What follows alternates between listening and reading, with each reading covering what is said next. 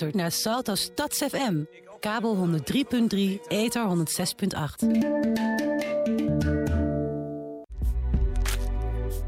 What up Amsterdam? Of beter gezegd, what up world? Hou je van house en underground music? Luister dan naar de Joint Radio voor de opkomende artiesten en ondernemers.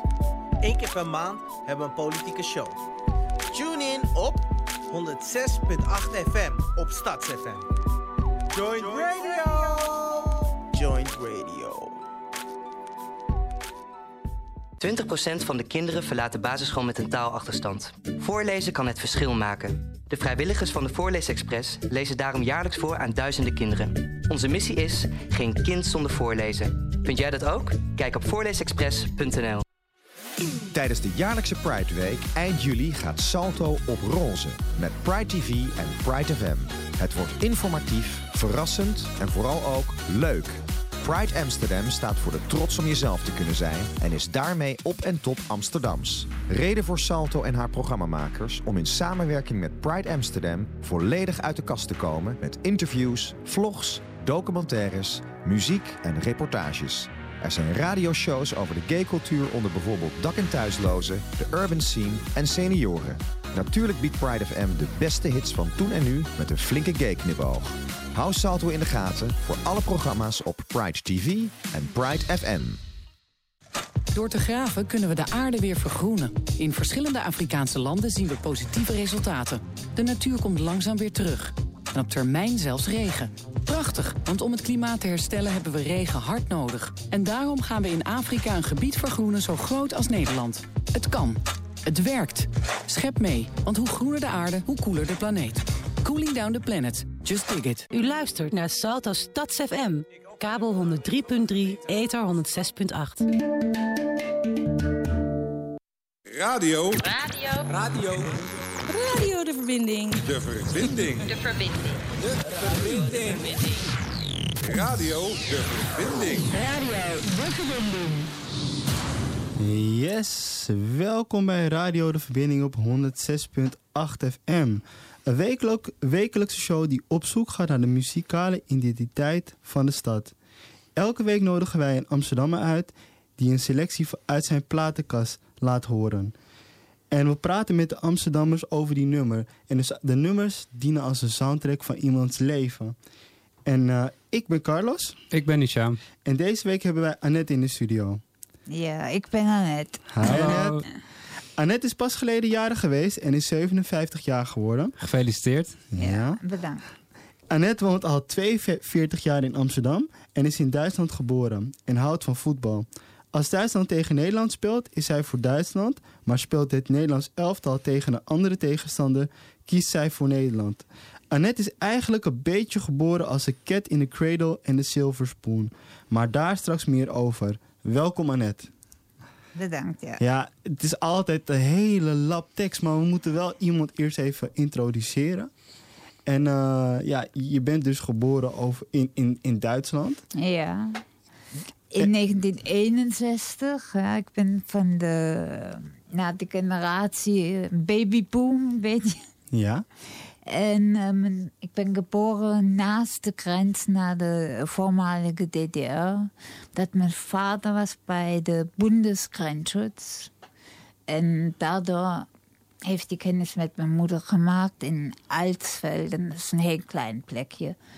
En toen ik de leeftijd had van zes en naar basisschool kwam... Uh, ben ik met mijn ouders verhuisd naar Stuttgart. En, en hoe, hoe, ben je, hoe zijn jullie, of hoe ben jij uiteindelijk in Nederland terechtgekomen, in Amsterdam? Nu ja, ik, um, zo in de loop van mijn leven heb ik een verslavingsproblematiek opgelopen. Mm -hmm. Die heeft me um, in de bias gebracht in Duitsland. En mijn uh, ex-vriend in Duitsland, uh, die gaf me voor de ontslag een week vakantie in Amsterdam cadeau. Ah, het is wel uh, romantisch. Een, een, week in Amsterdam. En de, toen was je hoe oud? 23. 23. Een jonge bloem. Ja, je Ja. ziet er nog steeds jong uit, maar toen was je qua leeftijd een jonge bloem. En hoe maakte je ging toen met eh, je werd opgehaald? eh, Je kwam toen uit de baaiers? Als... Ja, we Ja. zijn direct van de baaiers. We zijn, eh, dus die ex-vriend van me en nog een stel. Dus wij zijn dan met z'n vieren met het auto direct van de baaiers naar Amsterdam gereden. Daarna Zandvoort. Dat was voor die andere vrouw de eerste keer dat ze aan het meer was. Ja, aan de, aan de Aan de meer, zee. eh, aan de zee. We zeggen, ja. Ja. En ehm, wat, wat, wat voor indruk maakte zo'n stad op jou? Ik bedoel, Stuttgart, Amsterdam, volgens mij een wereld van verschil, zeker in die tijd. Ja, zeker. En ik, eh, ik was er helemaal verkocht in Amsterdam direct. Waarom? Nou, ik vind het de, de mentaliteit hier en de mensen en het was allemaal, ja, Je voelde je gewoon thuis. ja. En zijn jullie toen ook, of ben je toen ook direct ook gebleven? Of heb je nog ergens een tussenstap gemaakt voordat je dacht van, nou, Amsterdam is mijn stad? Nou ja, ik bedoel, eh, die vakantie was voor één week, dus wij Ja. zijn er weer terug naar eh, Stuttgart. Maar omdat ik eh, geen vaste woning meer had, omdat ik 15 maanden vast zat, is het dan zo'n beetje gekomen dat ik ging drie maanden Amsterdam, drie maanden weer terug. Pendelen. Ja.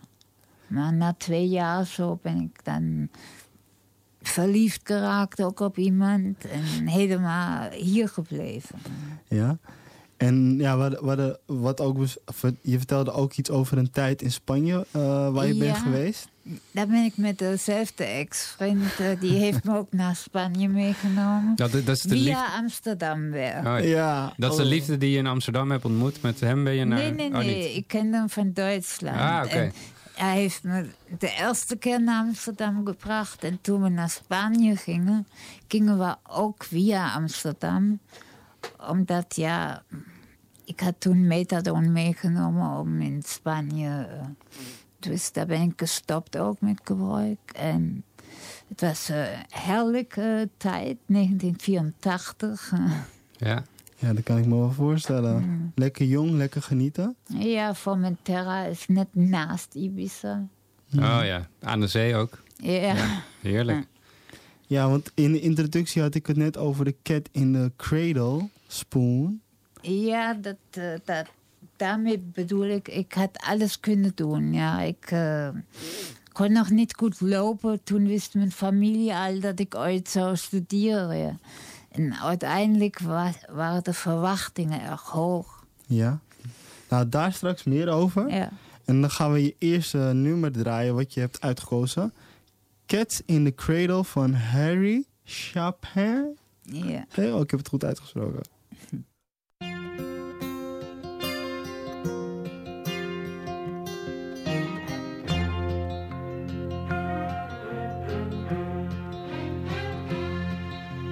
child arrived just the other day. He came to the world in the usual way, but there were planes to catch and bills to pay. He learned to walk while I was away, and he was talking for I knew it. And as he grew, he'd say, I'm gonna be like you, Dad. You know I'm gonna be like you. And the cats in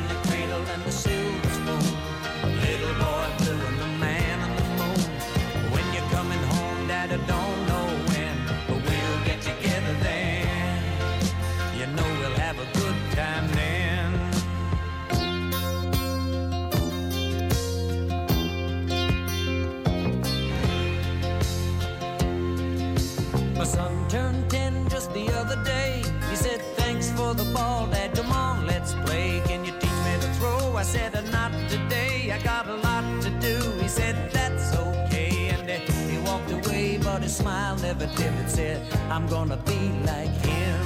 Yeah, you know I'm gonna be like him. And the cat's in the cradle and the silver spoon. Little boy blue and the man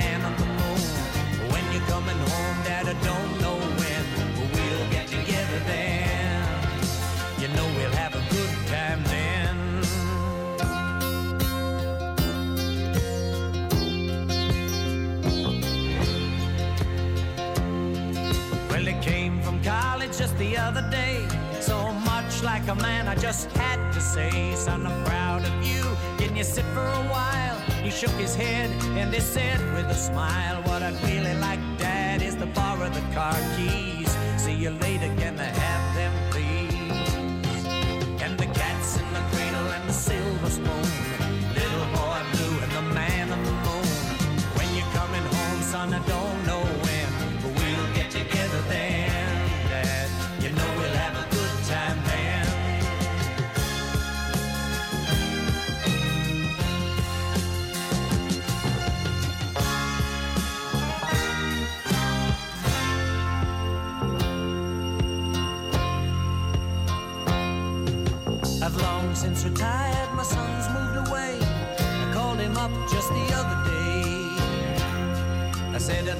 to see you if you don't mind. He said, I'd love to, Dad, if I can find the time. You see, my new job's a hassle and the kids are the flu. But it's sure nice talking to you, Dad. It's been sure nice talking to you. And as I hung up the phone, it occurred to me he'd grown up just like me. My boy was just like me.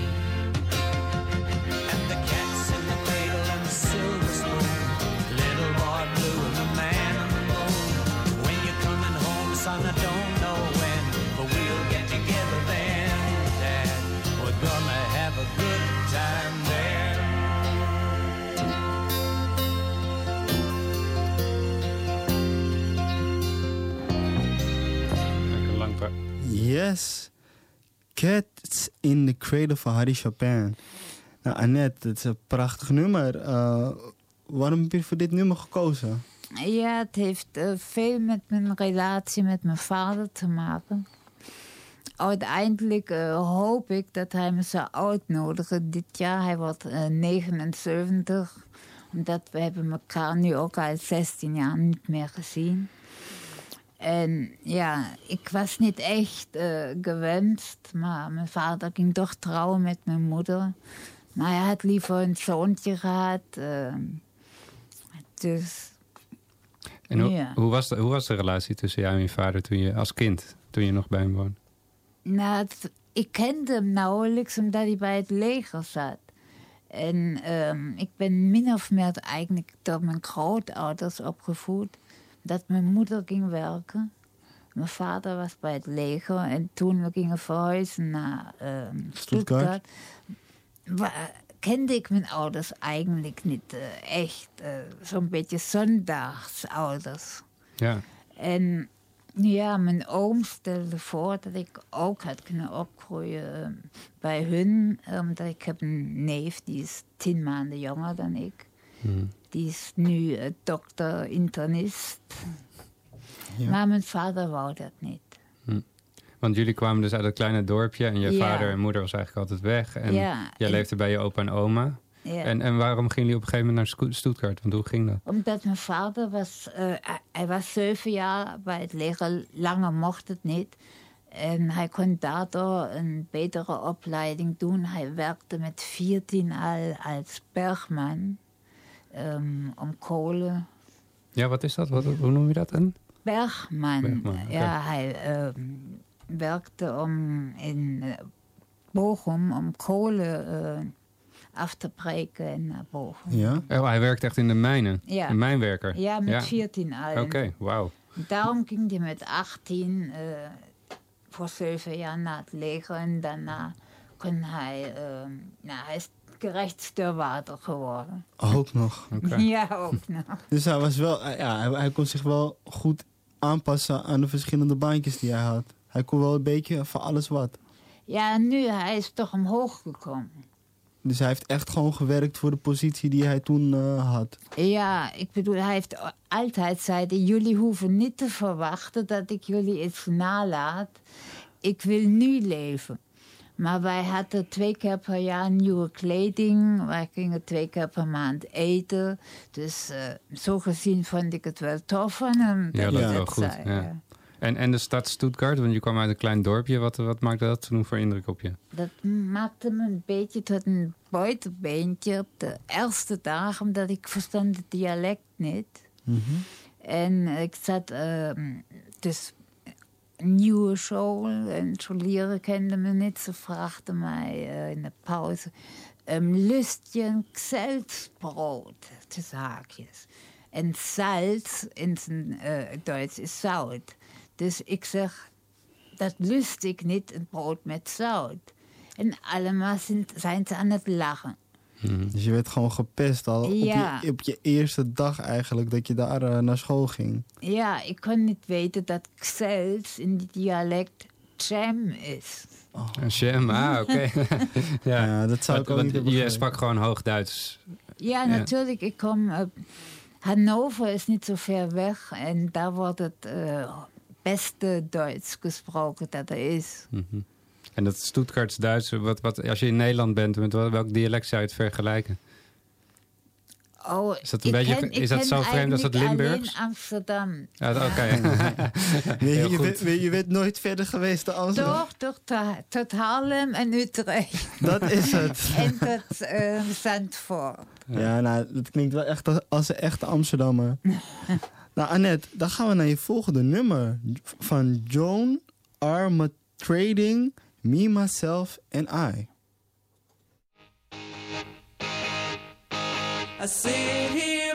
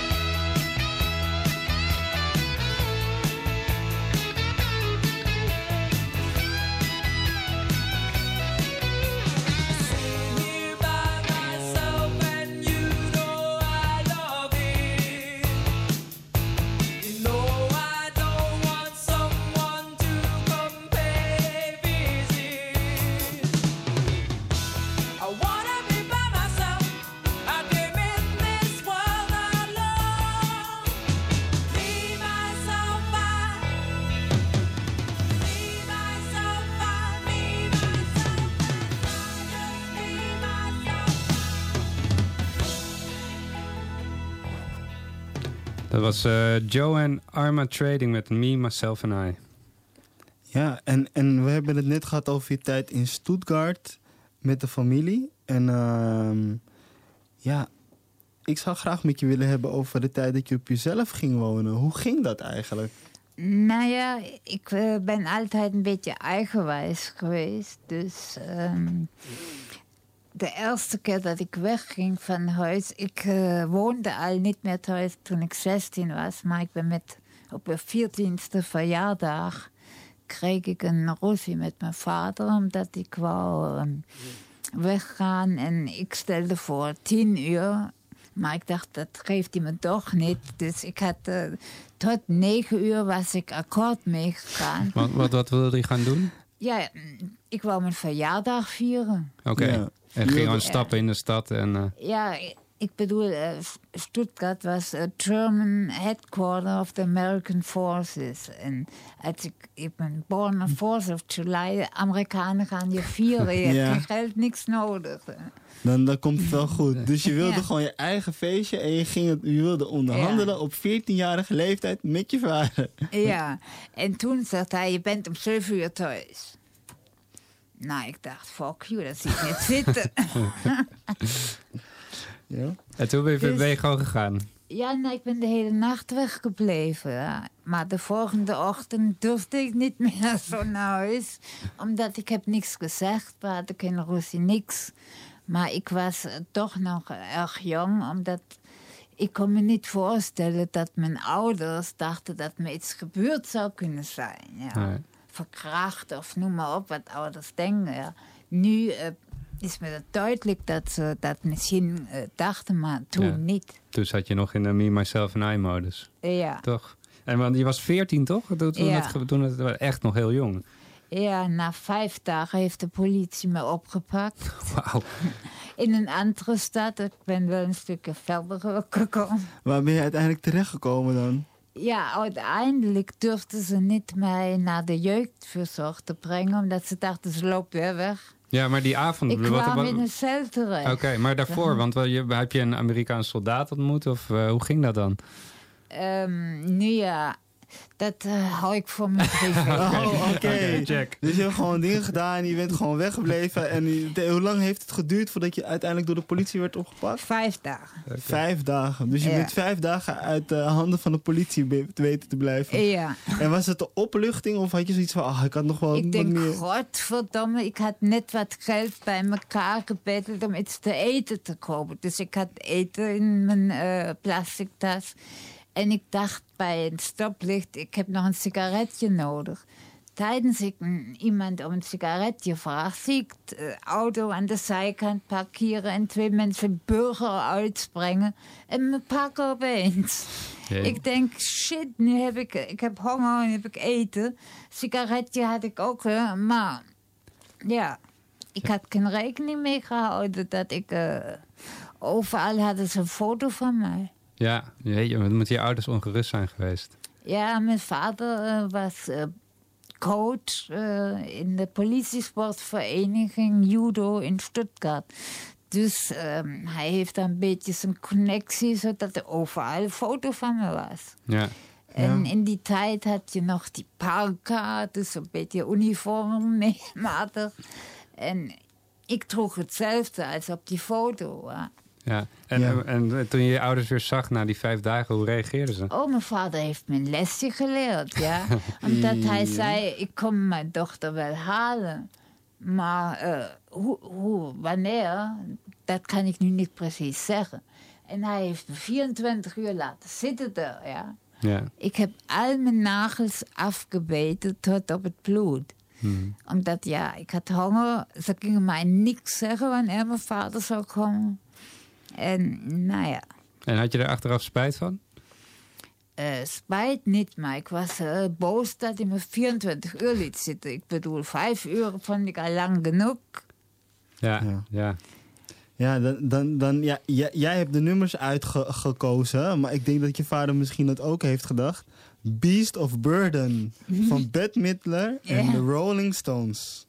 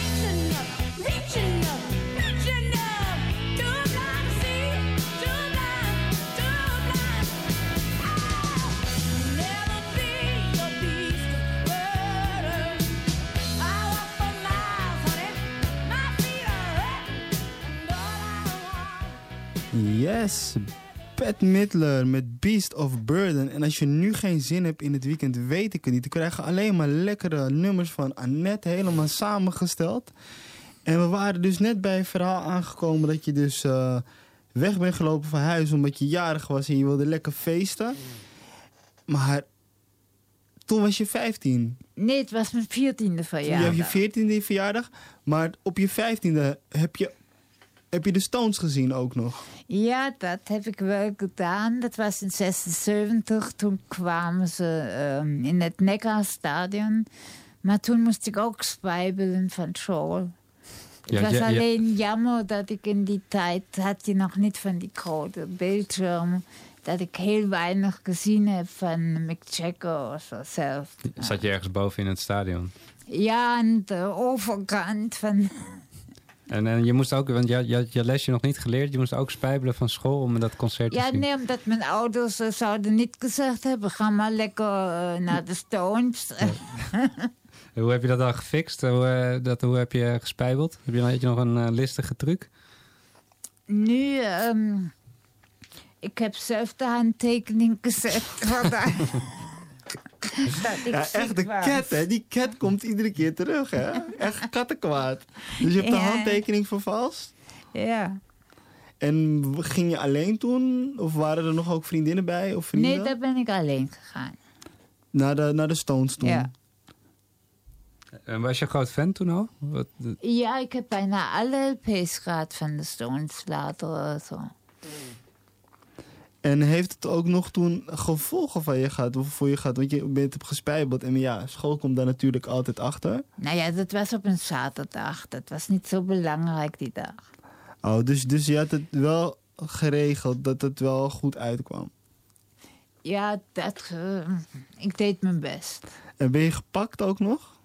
Ik ben eh, later gepakt omdat ik met eh, vriendinnen ehm, eventjes een weekje een vakantie nam van uh, school. Oh, dus, dus, de, dus de Stones, dat was, dat was ook een spijbelmoment. En toen uiteindelijk heb je ook nog gespijbeld met vriendinnen. En ben je week Ja. we- weg geweest. Ja, dat was de fout, omdat eh, een lerares heeft ons gezien, zo na een klein weekje eh, in de park zitten. En ze ging het natuurlijk aangeven bij de directeur. En ik had aangeboden voor eh, de andere twee dat ik ook ehm, voor de vaders en zo zou eh, tekenen. Oké, en wij gingen de volgende dag weer naar school, nadat de lerares ons had gezien. Dus dat was eh, maandag kwamen wij niet, maar donderdag zag ze ons en vrijdag zijn we weer teruggegaan. Ja. Maar toen ik naar de directeur kwam, was alles al klaar. Ze hadden me direct verraden.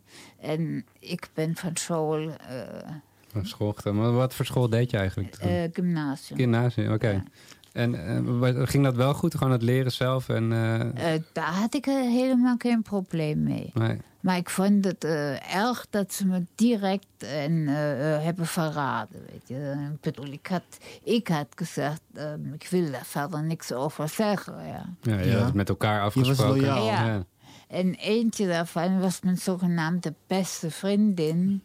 En zij had nog gezegd, als het zou opvallen, dan gaan we samen naar een andere show. Ja. En later is zij in de verslavingszorg eh, gegaan en ik in- ben in de verslaving beland. Ja, Ja. hoe ironisch. Het is echt heel Ja. bizar hoe, het we- hoe, hoe, hoe de wereld kan lopen. Ja. En heb je nog verder contact met, met, met die vriendinnen daarna nog ooit gehad? Of toen was het ook direct ook helemaal klaar? Eh, met die beste vriendin had ik toch nog contact eh, nadat ik al drie gymnasia verder was. Ja. Ja, want je hebt uiteindelijk wel de school afgemaakt of dat... Ik heb eh, tot de twaalfde klas gedaan, maar ik moet zeggen, ik heb totdat ik ehm, uit het raam ben gesprongen met eh, 16, moest ik, ehm, heb ik al twee keer de eerste helft van de tiende klas gedaan. En dan was ik nog alweer een half jaar in het ziekenhuis. En een derde keer, de eerste helft van de, derde, van de tiende klas, zag ik niet zitten. Nee. En- En eh, ik heb mijn boeken gewoon afgegeven. En later in de basis kreeg ik de kans om MAVO-diploma te Ja. doen. Dat heb ik gedaan. Oh, dat is wel echt eh, nice. Want je hebt eigenlijk minder dan, dan je eigenlijk kan. Want je, want je was dus echt heel slim. Maar je hebt tenminste het diploma kunnen halen. Ja, maar als tweetbeste. En daarna ben Ja. ik eh, ehm, met heropleiding naar Kolbing College gegaan. En heb de 11e klas gedaan. En de 12e. Ja, echt een strijder. Echt een survivor. ja, dat is mooi. Ja, en dan- dan- ja, je hebt, het, klinkt het is echt een soundtrack van je leven. Want Another One Bites the Dust van Queen. Ja.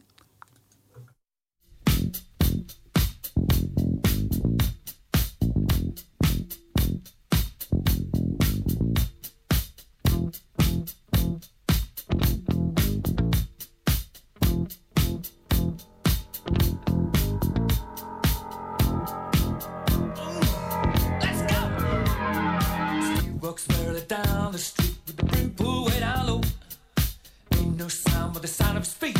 Machine guns ready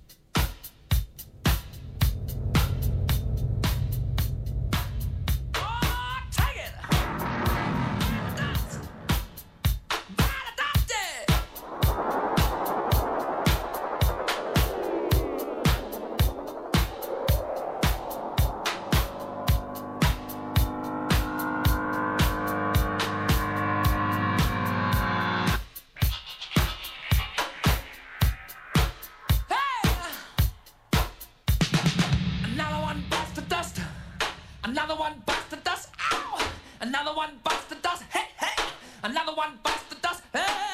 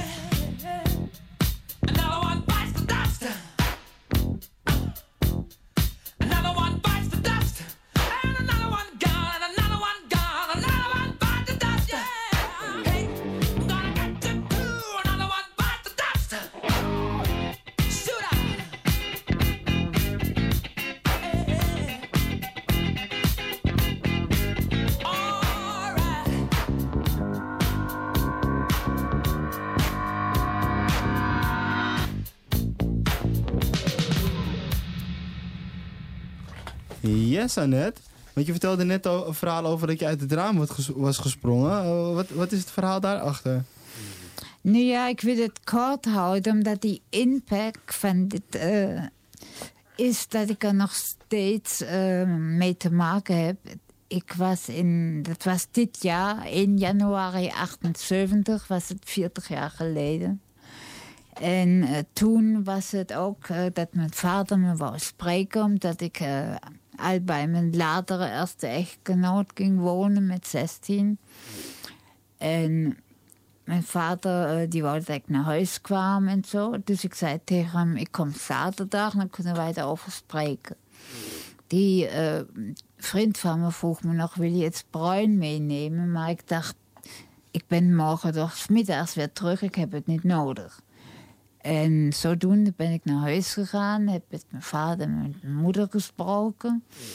En het was de laatste dag van de schoolvakantie eh, in winter, ja, dat is 8 januari.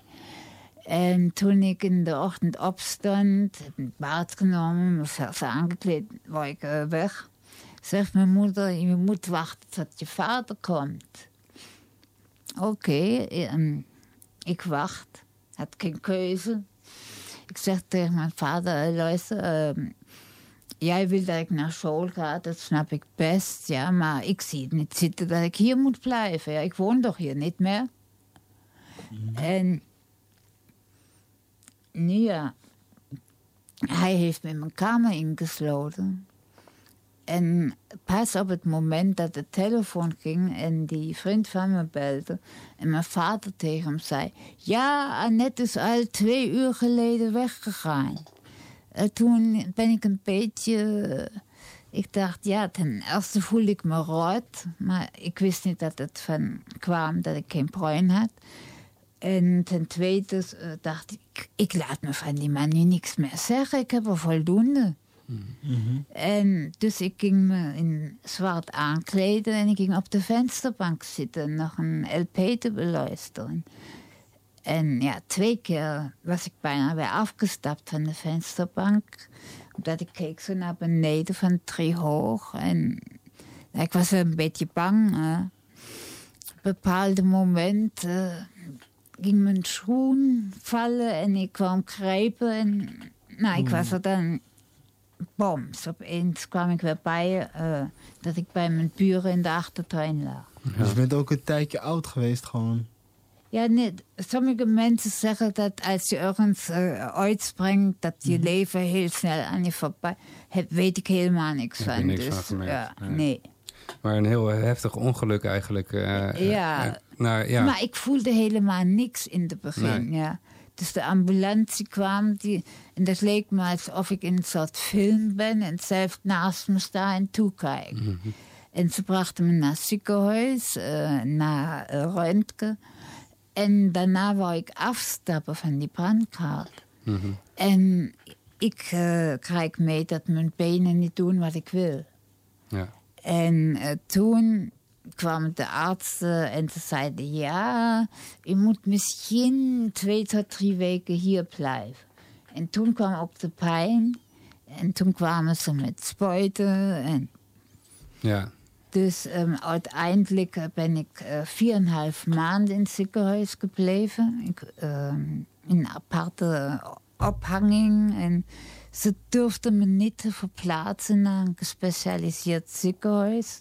Omdat ik had de tweede wervel van beneden gebroken.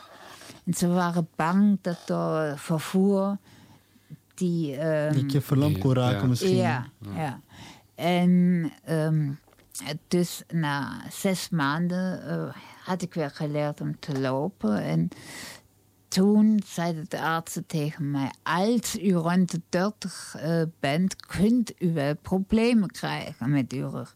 Maar dat leek mij voor amper 17 als Heel 100. Ja, ver weg. Dus je hebt niet, niet heel rustig aangedaan. En als ik het zo hoor, was je sowieso een puber die eh, een wild leven eh, Ja, achterna liep, toch? Ja, ik had nooit verwacht dat ik eh, eh, 57 zou worden. Nee. Nee, dat is, eh, ja, een, het is een heftig verhaal. Ehm, het heeft natuurlijk ook wel een beetje je leven bepaald eh, daarna, denk ik. Eh, omdat je wel ernstig gewond bent geweest.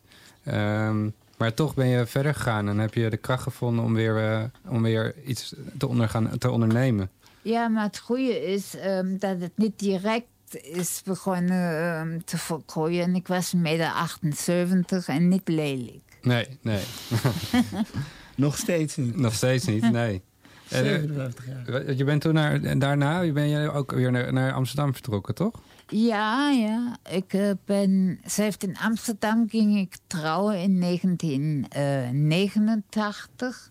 Ik was zeven jaar illegale vreemdeling en ik ben sinds 1992 heb ik een verblijfsvergunning voor een bepaalde duur. En ik heb helemaal geen strafblad in Amsterdam.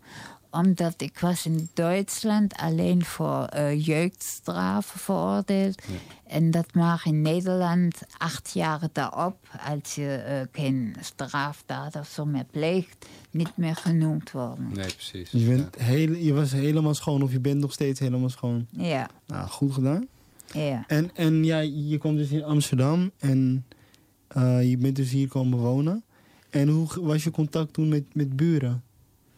Met buren, ja, ik heb eigenlijk nooit problemen gehad met buren. Ehm, nou ja, pas eh, waar ik nu woon heb ik een beetje problemen daarmee. Oké. Want eh, ja, je, je woont in Amsterdam. Je, je werkte hier ook? Of hoe, hoe ging die eerste tijd dat je hier gevestigd had? Je was eerst illegaal. Een Duitser Ja, die dat illegaal is, dat klopt, klinkt ja. heel raar eigenlijk. Maar Ja, maar het is wel zo dat je een verblijfsvergunning nodig Ja. hebt. Ja, Eén vriend van me, die ken ik sindsdien ik 20 was en hij 18, die ging werken hier. En ik heb steeds gezegd, je hebt een verblijfsvergunning nodig. Ja? Maar hij, ja, Europeaan en dit en dat. Zo na 12, 13 jaar raakte hij zijn werk kwijt. Wat heeft hij gekregen? negen maanden een dakloze uitkering en dan mocht ik teruggaan naar Duitsland. ja. En als ik het woord Vietnam zeg, Ja, wat betekent het woord Vietnam voor jou? ja van een heel, heel goede vriend van mij, eh, die is er nu dood. En ik, eh, ik heb er twee eh, dingen die me daarmee verbinden. Ik had ooit eerst een bovenbuurman die Vietnam-veteraan was. En die vocht zo om de twee maanden zijn eigen oorlog nog eens door.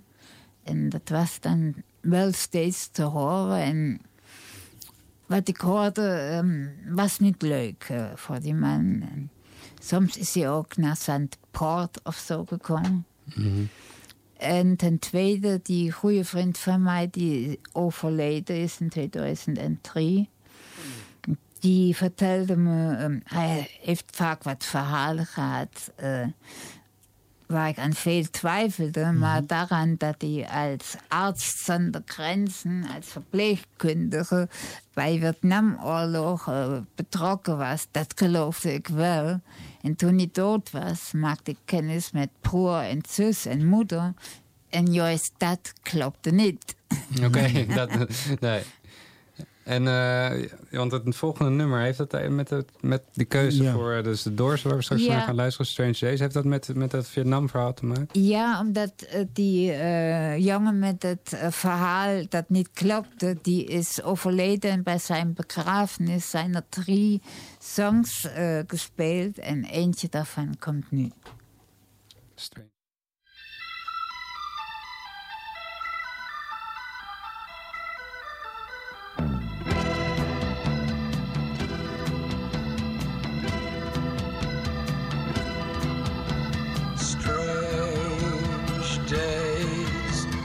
Oh.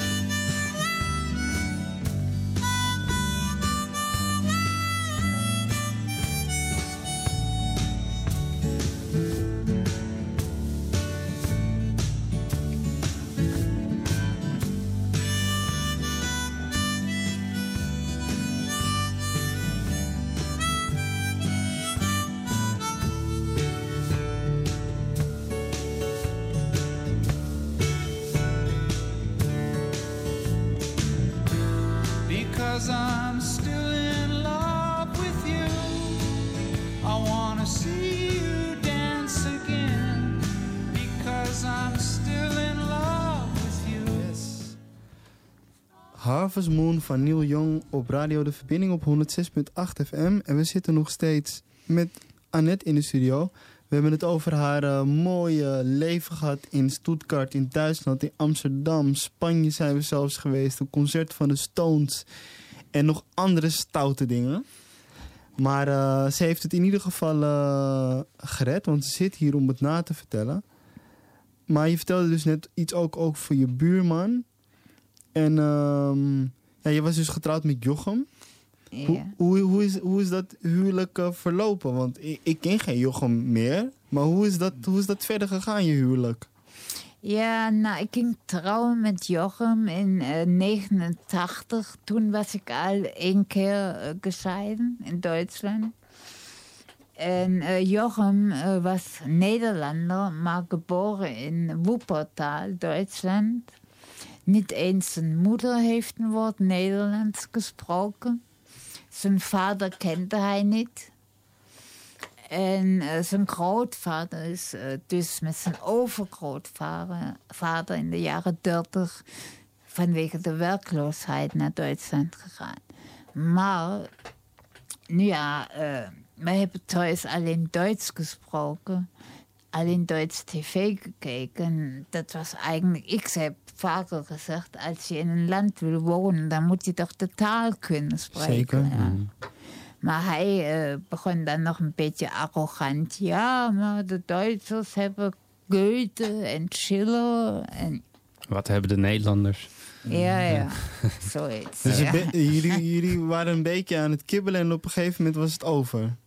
Ja, zo na 15 jaar was het eigenlijk helemaal over. En ik wou daar net een einde aan maken, omdat ik ehm, liever met die man die eh, niet in de Vietnamoorlog Mhm. betrokken was, samen wou zijn. Toen ehm, heeft Jochem zijn been kwijtgeraakt. hè. En, nou ja, en dat was in 2003, maar ik heb dan toch nog in totaal tot 2008 met hem samengeleefd. Hm. Lange, En- lange tijd. Ja, eh, hij heeft een decubituswand gehad. En als ik het niet had gedaan, dan zou hij die jaren hebben gehouden. Omdat ja, de, de verpleegkundige van de gemeente zei... om de dag de verband eh, wisselen. Maar als ik zie, na één dag is die eh, met pus trokken. trokken Dan moet het dagelijks gedaan worden. Ja. Ja. En vrijdags eh, zeiden hun, ja, wij komen maandag weer terug. Ja, En en ja, als ik dit zo hoor, heb je een heel bewogen leven gehad. Maar als we het nu dan hebben, want ja, de uitzending zit er al bijna op. Ik kan nog een uur met je praten. Als je naar je toekomst kijkt, wat zou je graag nog willen doen? ik zou graag eh, mijn moeder toch nog eens willen eh, spreken. Ja. Mhm. En nou ja, gelukkig zijn. Gelukkig zijn. En je hebt ook nog, nog een talent schrijven. Zou, Ja. zou, je, zou je daar nog iets mee willen? Ja, natuurlijk. eh. Ja, misschien is het leuk om een keer ook je nog een keer uit te nodigen dat je iets nog voor ons kan voordragen. ja, graag. Ja, want je schrijft gedichten? Onder andere, Onder andere. ja. En Ja. verhalen ook? Verhalen ook. Ik heb voor kleinere plaatjes geschreven. Het blad van de regenboog. Van Mozes en Aaron Kerk. Of van het Rode Kruis. Ja. Een mainline. Hm. Ook voor de discuskrant. Ja, dat eh, artikel kan ik me nog herinneren. Dat is ook heel mooi geschreven. Ja. Ik- het is vervelend dat we moeten stoppen, vind ik bijna. Want ik, ik zit hang aan je lippen en ik, eh, ik wil eigenlijk nog veel meer van je horen. Maar we zitten helaas echt eh, tegen het einde van de uitzending aan. Ehm, ik ga alvast eh, jou heel erg bedanken. Ik, ik vind je echt een fantastisch persoon. En ik, ik denk dat we je nog een keer uitnodigen. Want eh, er is nog veel meer te bespreken. En dat lijkt me een, een prima plan. Ehm, ik wil het even alvast hebben over de volgende uitzending. Want wij zitten dan niet hier in deze studio zonder ramen. Maar we zitten in de open lucht. Ehm, we zitten bij een eh, mobiele studio in de buurtcamping in het Slotenpark. De buurtcamping is een initiatief om Amsterdammers die het soms wel iets minder hebben... te laten slapen in, een, in de buitenlucht. Eh, wat normaal natuurlijk niet mag. En, eh, en wij schuiven daar aan eh, bij de mobiele studio... en hebben daar eh, Jack in de uitzending... en, eh, die ons mee gaat nemen in zijn eh, levensverhaal.